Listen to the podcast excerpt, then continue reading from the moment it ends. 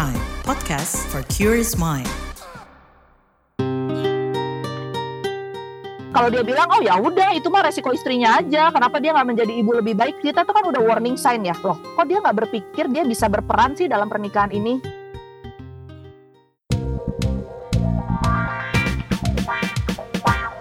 Disko, diskusi psikologi.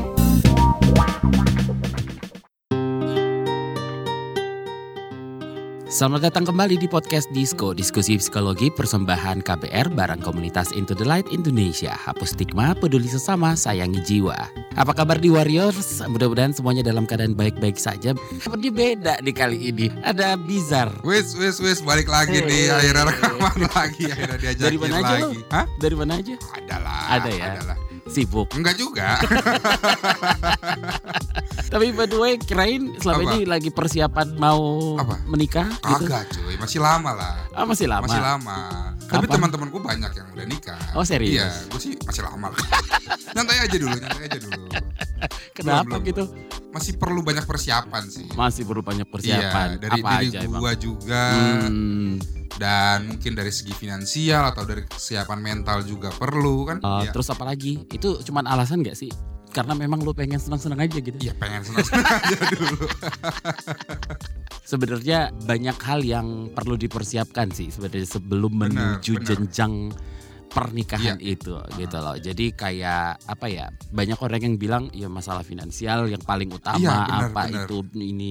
Tapi sebenarnya ada satu hal yang mungkin dilewatkan banyak orang masalah Mm, mental Iya, kedua belah pihak iya kayak ya kan mungkin kayak kita terbiasa kayak ya udahlah yang penting kan finansial dulu yang penting nikah dulu nih gimana setelah nikahnya itu urusan belakangan kayak mungkin bisa nanya-nanya orang tua tanpa mereka sadari atau tanpa Hmm. kita sadari itu juga perlu kita siapin sebelum menikah padahal kan mikirin pasangan kita juga nih bisa benar ya kan benar si pasangan kita yang mengandung terus juga melahirkan itu iya sering atau bahkan mungkin ya nggak jarang mereka itu terancam kesehatan mentalnya kalau kurang adanya iya benar persiapan. karena kan biasa kalau ibu habis melahirkan kok ya cuma dianggap cranky aja atau apa gitu karena ya kalau lu lihat di berita-berita banyak Hmm. cerita-ceritain tentang bahkan artis deh artis yang Mm-mm. Kayak Raisa Mm-mm. Nikita Willy yang emang kayak di berita tuh mereka dikabarkan baby blues. Itu Update juga apa? nonton gosip. Di, di TikTok aja TikTok. Tapi maksudnya tuh dari segi mereka yang emang dari fasilitas cukup, Mm. pendidikan juga tercukupi, finansial Mm-mm. tercukupi, itu masih mengalami baby blues dan Nah, mereka juga nggak tahu gimana dengan orang-orang yang emang belum punya pendidikan mental ini sejak awal, yang nggak tahu gimana cara ngadepin. Eh banyak loh di Twitter tuh kayak yang misalnya nih mohon maaf ya kayak ibu ngebuang anak yang baru lahir. iya iya iya. itu iya. kan bukan serta merta karena finansial aja gitu loh. tapi Ada karena ketakutan-ketakutan yang dia alamin gitu. Betul betul betul betul.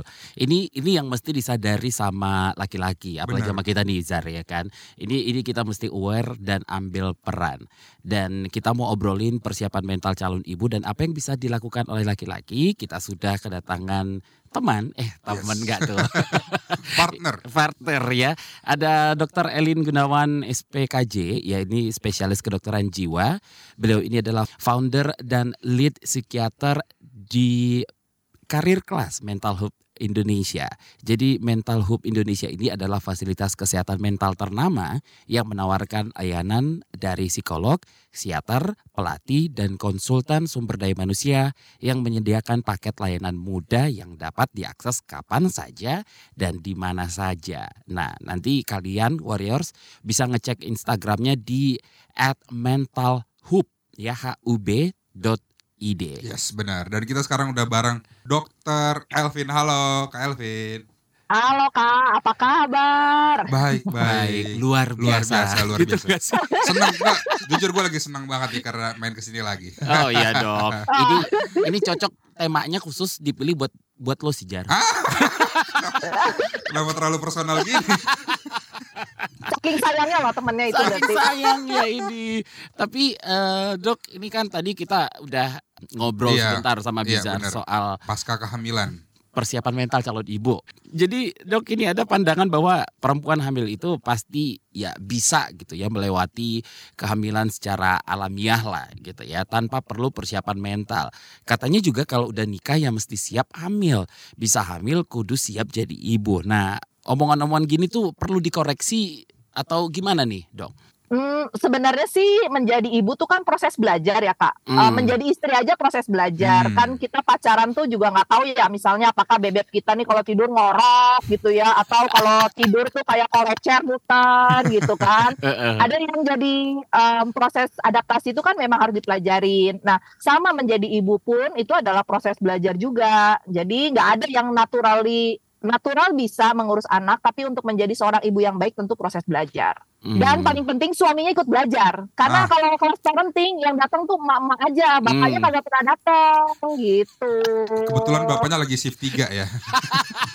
Iya, bapaknya tuh bersip-sip ya kayaknya gitu. Tapi kenapa nih dok? Kenapa perlu dianggap penting persiapan mental calon ibu gitu dok? Ya.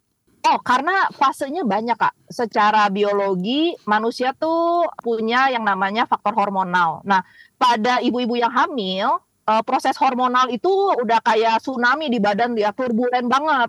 Jadi makanya kerasa mungkin, ini kan tadi aku dengar-dengar belum pada nikah ya. Kalau yang udah nikah mungkin kerasa ya, mendampingi ibu-ibu yang lagi hamil tuh eh, bulan pertama, kedua, ketiga oek-oek, terus makannya aneh-aneh ya. Itu sebenarnya bukan mitos sih, tapi memang kadang perlu perhatian lebih. Ada yang memang galau terus, apalagi kalau cicilannya banyak, sehingga akhirnya jadi sensitif. Apalagi kalau di akhir bulan dipotong. Terus udah gitu banyak sekali tantangan-tantangan secara mental yang membuat seorang ibu tuh harus siap, bahkan sebelum dia hamil. Gitu, makanya kita Hmm. sebutnya perinatal. Jadi selama sekitar fase kehamilan, bukan hanya setelah hamil baru siap-siap. Sebelum hamil tuh harus sudah siap. Gitu. Jadi emang harus sebelum hamil dan harus dipikirkan Mm-mm. gitu. Gue sampai Bener. bingung mau nanya apa. Dok jangan buat uh, tanggal meritnya mundur lagi dong enggak dong.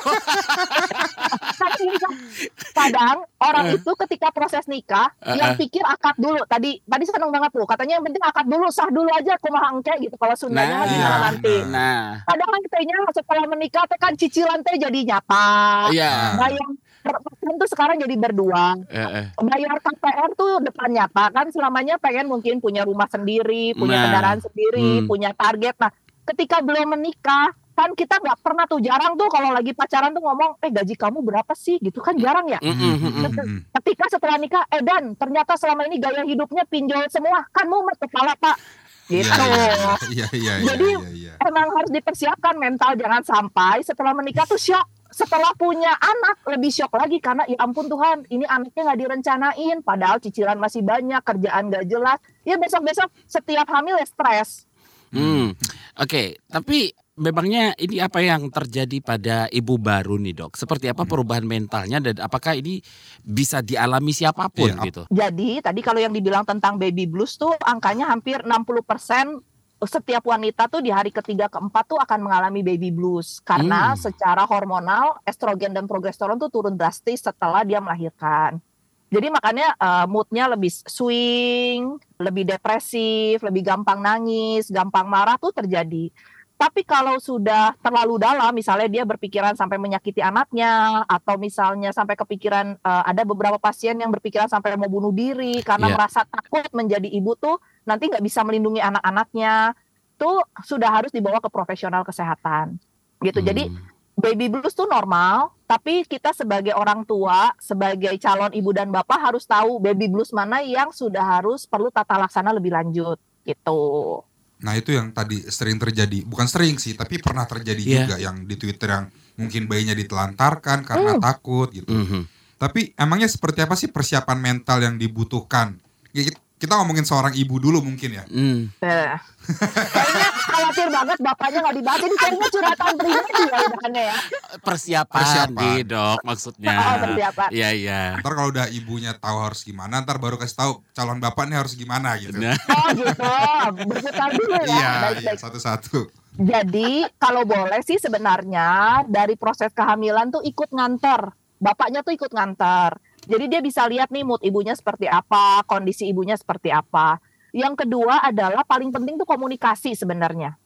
Karena kadang em, kita tuh sebagai istri sungkan untuk ngomong ke suami karena mungkin ngelihat dia udah capek kerja, ngelihat dia udah Hmm. banyak masalah, pengen cerita, padahal ceritanya juga sepele banget ya. Tetapi kan kadang bapak-bapak tuh ngegadain cuman, eh, gitu ya, atau misalnya cuman, oh gitu, kan nggak nggak rasa nggak didengar gitu. Jadi kadang keras-keras kayak senam hamil dan lain-lain tuh membantu meningkatkan komunikasi antara suami dan istri. Jadi harus ikut. Oke. Jangan cuma ngedropping aja terus gue mah nunggu di kafe aja ya, lu aja yang senam kan gue mah nggak ngapa-ngapain gitu ya. Terus dia akhirnya nggak ngerti kalau si ibu tuh pengen didampingin. Gitu. Emang perlu perhatian dari kedua belah pihak ya. Iya. Kayak Istrinya udah ngerti kalau Hmm. suaminya capek kerja jadi ya udah tapi suaminya juga harus ngertiin kalau si istri ini butuh ditemenin gitu Don. Eh, kadang kerasa loh kak gini, misalnya ya kita udah capek ngurus anak dari pagi sampai sore. Eh pulang kerja suami cuma duduk di sofa terus bilang, eh aku lucu ya." terus dia sibuk dengan HP-nya karena merasa pengen me time. Si istri tuh ngerasa, ya ampun Tuhan dari pagi sampai malam udah sibuk, udah gitu suami pulang cuma nyapa anak doang, istri kagak disapa. Itu aja Hmm. bisa bikin konflik. Oke, jadi gini dok, berarti pertanyaan bizar itu persiapan mental yang dibutuhkan itu tadi dokter juga sempat mention ya Hmm. soal senam hamil, meditasi, terus juga apa Yoga lagi gitu. yoga, Yoga, gitu. perbaiki komunikasi, banyakin waktu kualitas, eh, waktu berkualitas bersama pasangan. Ah, ah, Jadi hal-hal- sering-seringlah diajak healing. ah, ah, ah, ah. Baca-baca buku tentang parenting membantu juga nggak itu? Kalau istrinya pencemas jangan nanti tambah stres. Oh. Karena dia akhirnya punya standar ideal yang berbeda. Nah itu dia. Justru malah malah jangan kalau emang punya kecemasan yang berlebih ya kayak Benar, ya udah butuh karena ada ibu-ibu aja. Iya, ibu-ibu yang perfeksionis tuh kan, misalnya anaknya harus begini, harus begitu, gitu. Nah, justru yang kita ajarin kalau ibu-ibunya perfeksionis, kita ajarin dia bahwa anak itu bukan robot. Hmm. Jadi kita ajarin dia bagaimana kalau anak agak berbeda dengan di buku, yang gak usah kaget, namanya Iya, juga iya. manusia. Atau kalau misalnya mau baca buku tuh ya sebelum kehamilan mungkin ya. Dan jangan lupa lakukan konfirmasi ya ke profesional. Hmm. Nah, malah malah takutnya si ibu ini punya standar sendiri ya, Iya, Hmm. dok ya. Kebentuk Jadinya itu yang membuat sendiri. cemas ya.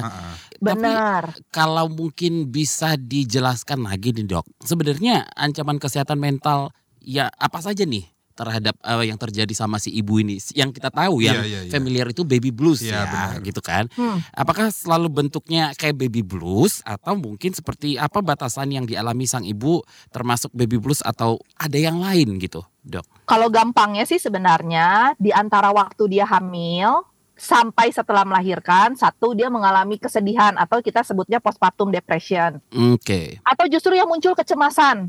Hmm. Jadi anxiety itu ada atau yang lebih parah adalah psikotik. Jadi ada beberapa pasien yang memang dia tuh sampai kayak mendengar suara-suara untuk menyakiti anaknya Ah, atau untuk meninggalkan anaknya gitu. hmm. Nah, warning sign-nya adalah satu, ketika ibu ini secara keseluruhan tidak berfungsi untuk merawat diri sendiri, untuk berelasi dengan keluarga, atau bahkan membangun bonding dengan anaknya. Yang ketiga adalah gangguan produktivitas sebagai seorang ibu. Jadi dia misalnya diranjang aja nggak mau ngapa-ngapain. Hmm. Atau ngelihat anaknya nangis, dia tatapan matanya kosong. Makanya kenapa support system tuh penting banget sih, Kak. Hmm. Hmm.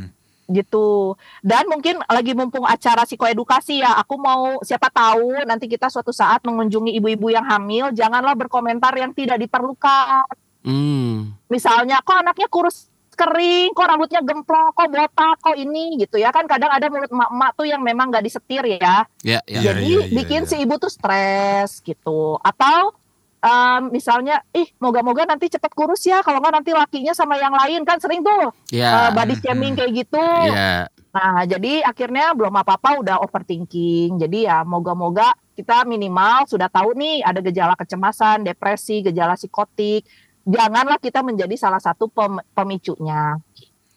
Dan gak semua perempuan bisa ngomong hal ini ke suaminya juga ya. Kadang kita sebagai lakinya juga harus peka terhadap perubahan-perubahan yang terjadi terhadap perempuan tuh. Hmm. Siap gua nikah.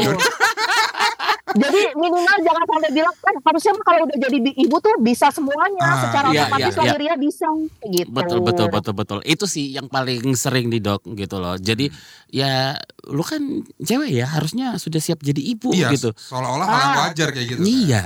Oke. Bener, bener banget kak. Apalagi ada yang kalimatnya anaknya pedes ya. Itu yang di yang di tempat lain juga anaknya 12 bisa aja tuh. Nah, Nah. lu anak satu aja ngeluh mulu. Nah, Nah, gitu. Apalagi kalau udah di- dibanding-bandingin dengan generasi-generasi sebelumnya, entah dengan orang tuanya atau orang tua dia gitu kan.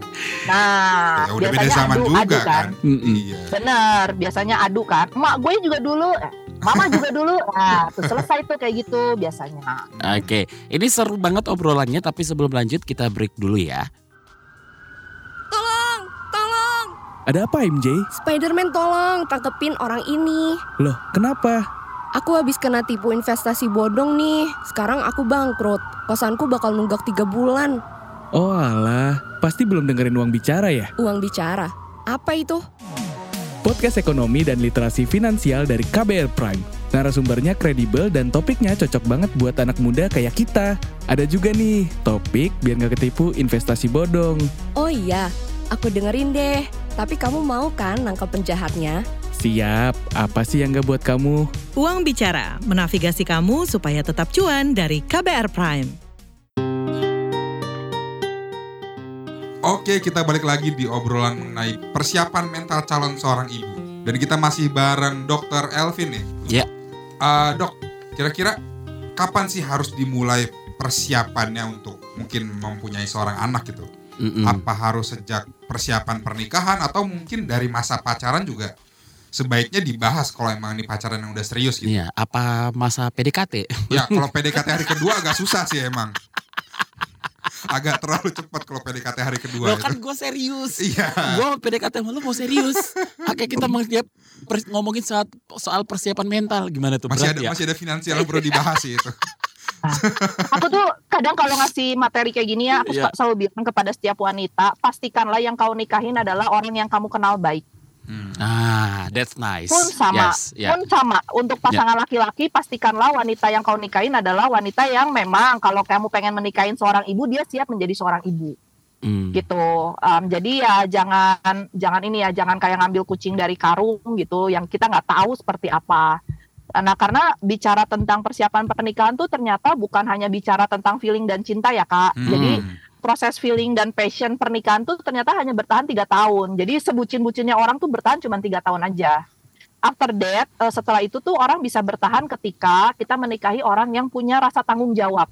Hmm. Tanggung jawab tuh konsepnya real ya kak, bukan salah satu menanggung, satu menjawab ya. Tapi memang saling menanggung dan saling menjawab. Yang kedua adalah punya komitmen. Nah sering banget komitmen ini tuh tidak pernah dibahas. Kadang aku suka bilang kalau lagi konseling pramarital ya, aku tanya, kamu pernah nggak membahas isu-isu yang memang sensitif, misalnya tentang perselingkuhan, atau Ya. misalnya bicara tentang penelantaran anak. Kita tuh mau lihat loh respon pasangan kita seperti apa. Hmm. Kalau dia bilang, oh ya udah itu mah resiko istrinya aja. Kenapa dia nggak menjadi ibu lebih baik? Kita tuh kan udah warning sign ya. Loh, kok dia nggak berpikir dia bisa berperan sih dalam pernikahan ini? Nah, jadi memang satu, makanya tadi aku bilang kuncinya wanita hamil bahagia dan melahirkan bahagia adalah ketika pasangannya tuh bisa menjadi support system buat dia. Hmm. Jadi ketika setelah punya anak, dia tidak merasa sendiri gitu. Nah, yang kedua adalah bicara tentang sosial ekonomi. Jadi kalau memang ada yang pasangan pengen child free ya nggak apa-apa itu yang penting keputusan berdua. Terus misalnya secara sosial ekonomi kayaknya kita baru bisa punya anak setelah dua tahun nih. Nah itu kan real ya dikomunikasikan. Jangan yang satu nggak apa-apa punya anak dulu aja, anak mah bawa, rezeki masing-masing. Nah kan stres. Karena bicara susu tuh kan nggak bisa bicara tentang harapan ya. Memang kita harus bawa duit, nggak bisa bawa Iya, buku iya. nikah pas beli susu. Hmm. Gitu. Jadi ya banyak bahasannya. Gitu Don. Nggak memang tiap hari emang gitu kan. Setelah nikah tuh, aku pun setelah nikah dan punya anak baru sadar kalau tagihan itu nggak bisa ditunda bicara tentang anak. Iya, Nah, iya. pasien aku yang ya udah pokoknya harus ASI biar kita bisa ngirit uang susu lah. Iya itu emaknya kan harus dikasih makan daging biar susu asinya sehat, Nah. harus dikasih nutrisi Iya. gitu. Oke, kalau gitu eh, yang jadi support sistemnya si ibu ini atau si calon ibu ini siapa aja sih dok? Semua orang Di sekelilingnya atau di keluarga atau semua orang yang dijumpain gitu dok? semua orang yang dijumpain seharusnya bisa menjadi support system buat seorang wanita Oke. kalau aku bilang. Hmm. Ya. Termasuk buat laki-lakinya ya. Mhm. Um, jadi kalau aku bilang sih bagaimana kita memanusiakan manusia tuh bisa membuat kita menjadi orang yang ramah terhadap mental seseorang. Hmm. Kita nggak tahu loh kalau misalnya kita bercanda, ini kalau lu setelah nikah kepala lu tambah botak ya. Nah misalnya orang tersebut tersinggung loh dia ngomong kayak gitu. Padahal Hmm. menurut kita bercanda. Hmm. Nah kan kita tidak perlu membahas hal yang bicara tentang uh, shaming seseorang atau mempermalukan seseorang gitu. Kecuali kita uh, memang ngerti ya orang ini kalau diajak bercanda ya sebagai teman akrab kita gitu. Hmm. Jadi jadilah support system yang baik di mana pun kamu berada. Nah, gimana caranya kita bisa menjadi support system yang baik nih dok ya? Hmm. Support yang harus kita kita berikan tuh seperti apa? Karena kayaknya yang paling memungkinkan yang harus ready 24 per 7 tuh antara suami atau emang keluarga. keluarga dekat dan satu rumah iya, gitu bener. kan Dan kadang kita Benar. juga nggak bisa mengkontrol omongan orang orang-orang yang kayak di luar keluarga mungkin lebih susah ya kayak keluarga mungkin lebih Hmm. gampang enak ngomongnya. Cuman kalau kayak kerabat yang ada deket-deket banget mau tetangga deh ngomong tetangga deh ya, ya. sebelah rumah lo gitu kan Ah, ah. Ya memang yang ideal adalah kita belajar norek ya kalau aku bilang ada hidup tuh kadang harus bicara ngebudek juga ya nggak bisa Hmm. kita merhatiin semua orang terus. Hmm. Nah yang kedua adalah belajar untuk menyampaikan apa yang kamu memang gak suka. Hmm. Jadi kadang hidup tuh tidak perlu banyak sabar karena sabar tuh makan hati panjang usus nantinya makan mulu. Jadi ya memang harus belajar kalau nggak suka ya ngomong eh maaf ya omongan kamu tuh bikin gak nyaman loh di aku. Hmm. eh maaf ya hal tersebut tuh nggak enak loh untuk didengar gitu. Berarti Hmm. lo membela itu supaya kita nggak sakit hati. Nah, ini mumpung ngomongin support system, ya kan, which is yang paling dekat itu adalah pasangannya, Iya, suaminya, gitu ya. Jadi ini si calon ayah ini juga perlu persiapan mental juga sebenarnya, Mm-mm. gitu ya, dok. Ya Betul. tadi sudah sempat dimention juga sama dokter. Nah, seperti apa sih dok? Beda nggak sama yang mesti disiapin si calon ibu ini? Sebenarnya kak Hmm. ayah-ayah ini banyak loh yang kalau dasarnya penelitian ya itu satu dari 10 anak ayah tuh mengalami kecemasan setelah anaknya lahir. Hmm. Ya wajar ya mungkin ya eh, jadi sadar aku punya tanggung jawab dua nyawa loh sekarang ibunya dan anaknya. Aku jadi Iya. sadar loh harus membiayai kehidupan kan mungkin kerasa banget. Aku merasa eh, waktu menikah belum cukup stabil ternyata setelah menikah perlu kestabilan. Jadi Hmm. para ayah nih banyak juga yang menjadi overthink dan menjadi depresi Mm-mm. tambah ditambah ketika dia ketika ibunya cuti hamil kan bapak ini tetap bekerja ya kita kan nggak Iya, tahu nih iya. Stresor dia di kantor seperti apa punya Mm-mm. atasan agak-agak sengklek atau misalnya teman kantornya Julaidit gitu kan jadi ketika pulang sebagai seorang yang selalu di trademark harus kuat dia nggak bisa cerita juga ke istrinya nggak baik-baik aja. Nah, Iya, ya, ya, jadi ya, akhirnya dua orang yang merasa sama-sama kesepian padahal dua orang yang sama-sama saling membutuhkan gitu. Ah. komunikasi itu penting. Karena kadang mungkin kayak mungkin ayahnya sudah memberikan perhatian tapi mungkin dari ibunya yang kerasa ini bukan perhatian yang gue pengen loh sebenarnya kayak. Nah. Kayak ah, mungkin ah, bentuk perhatian ayah kayak ngasih duit lebih tapi yang dari istrinya pengen perhatian tuh dalam bentuk fisik gitu atau mungkin Hmm. sebaliknya kayak ayahnya udah ngasih perhatian secara fisik atau mental tapi sebenarnya yang dibutuhin duit gitu don ya kan jadi kan kita nggak tahu perhatian apa yang dibutuhkan gitu sebenarnya Bener, bener. Dan Iya, ini iya, aku iya. nitip ya buat para ibu, kalau lagi hamil atau lagi masa-masa nifas, jangan lihat sosial media. Hmm. Hmm. Nanti ngebandingin sama kehidupan para se- seleb atau influencer yang setelah Iya. hamil ternyata ada pembantunya 40 orang, dia Iya, satu aja iya. setengah mati. Kan mumet ya Apal- kepalanya. apalagi Iya. sekarang standarnya di kita Willy kan jauh Wah, ya. ini Susah. masih men- men- mending. Maksudnya kalau kita ngebandingin sama Cipung udah agak susah itu. Susah kan gitu Cipung udah maksudnya terlalu yang satu itu. Iya. slow living ya karena modalitasnya bisa slow Iya. living. Kalau Iya, kita kan benar, fast benar, living ya, dok dulu cuma lewat di tabungan di awal bulan, Iya, nah iya, kan iya. itu stres. Mungkin pertanyaan terakhir, kesalahan paling umum nih ya dalam persiapan eh, mental calon ibu dan ayah deh ya. Iya, iya, iya. Berdua deh ngomongnya gitu. Yang mungkin sering dibahas gitu kalau lagi di konsultasi gitu. Iya, iya, Tidak dipersiapkan. Hmm. tidak dipersiapkan. That's nice. Iya karena tadi ya mungkin kalimat pembukanya karena semua orang tuh selalu menganggap proses menjadi seorang orang tua tuh sesuatu hal yang naruliah turun dari langit. Padahal itu adalah eh, kesatuan dari keilmuan, kematangan psikologis dan kematangan sosial eksternalnya. Jadi makanya kalau ketika membangun keluarga tuh biasanya saya suka mengajarkan eh, klien bagaimana kamu punya checklist secara internal kamu udah siap belum sih untuk nikah. Hmm. Yang kedua, kematangan konsep relasi. Kamu udah siap belum sih untuk membangun relasi intim dan eh, konsisten dengan orang lain? Kita bicara tentang kesiapan berkomitmen. Hmm. Ketiga, secara produktivitas, kamu punya modal nggak sih untuk membangun perusahaan? Kalau aku bilang pernikahan tuh kayak perusahaan kak. Jadi dua-duanya harus sudah siap dan punya modal. Jangan yang satu negatif banget berharap pasangannya ini sangat positif sehingga dia bisa menggantungkan hidup. Dia akhirnya Hmm. tekor-tekor juga Hmm. gitu. Gitu Jadi ya dong. memang banyak persiapannya. Persiapan mental lebih penting dibanding catering 300 porsi gitu, Don. Jangan terlalu mikirin kambing guling lah. ya, dan yang paling penting sih jangan jangan nikah kalau masih ngutang ya kalau ah, bilang. itu dia. Itu poin kita poin penutup hari ini. Jangan nikah kalau Iya. masih hutang. Banyak quote ya kali ini episode kali ini. Kalau bikin orang takut nikah ya. Iya, Iya, iya, iya. Nikah tuh indah kok, asal siap. Iya, itu dia. Nah. itu dia. Oke, terima kasih dok untuk uh, sharingnya di episode kali ini. Jadi itu tadi dokter Elvin Gunawan, spesialis kedokteran jiwa, founder and lead psikiater di Karir Kelas dan Mental Hub Indonesia. Jadi Mental Hub Indonesia ini adalah fasilitas kesehatan mental ternama yang menawarkan layanan psikolog, psikiater, pelatih, dan konsultan sumber daya manusia yang menyediakan paket layanan mudah yang dapat diakses kapan saja dan di mana saja. Kayaknya gue mau daftar satu nih. Silakan cek Instagramnya di @mentalhub ya mentalhub.id. Thank you banget sekali lagi Kak Elvin udah Iya. ngobrol Sama-sama, aku yang terima kasih ya udah diundang. Moga-moga nanti bisa ketemu lagi. Amin, amin. Iya. Dan terima kasih juga buat kamu yang udah mau mendownload dan mendengarkan podcast ini. Dengan mendengarkan podcast ini, semoga kita bisa membantu menghapus stigma di masyarakat, lebih peduli terhadap orang-orang di lingkungan sekitar, dan tentunya jangan lupa untuk selalu menyayangi jiwa kita sendiri. Sampai ketemu di episode selanjutnya. Dengarkan terus di KBR Prime. Gue Don. Gue Bijar. Pamit undur diri. Bye-bye. Bye. Disko, diskusi psikologi.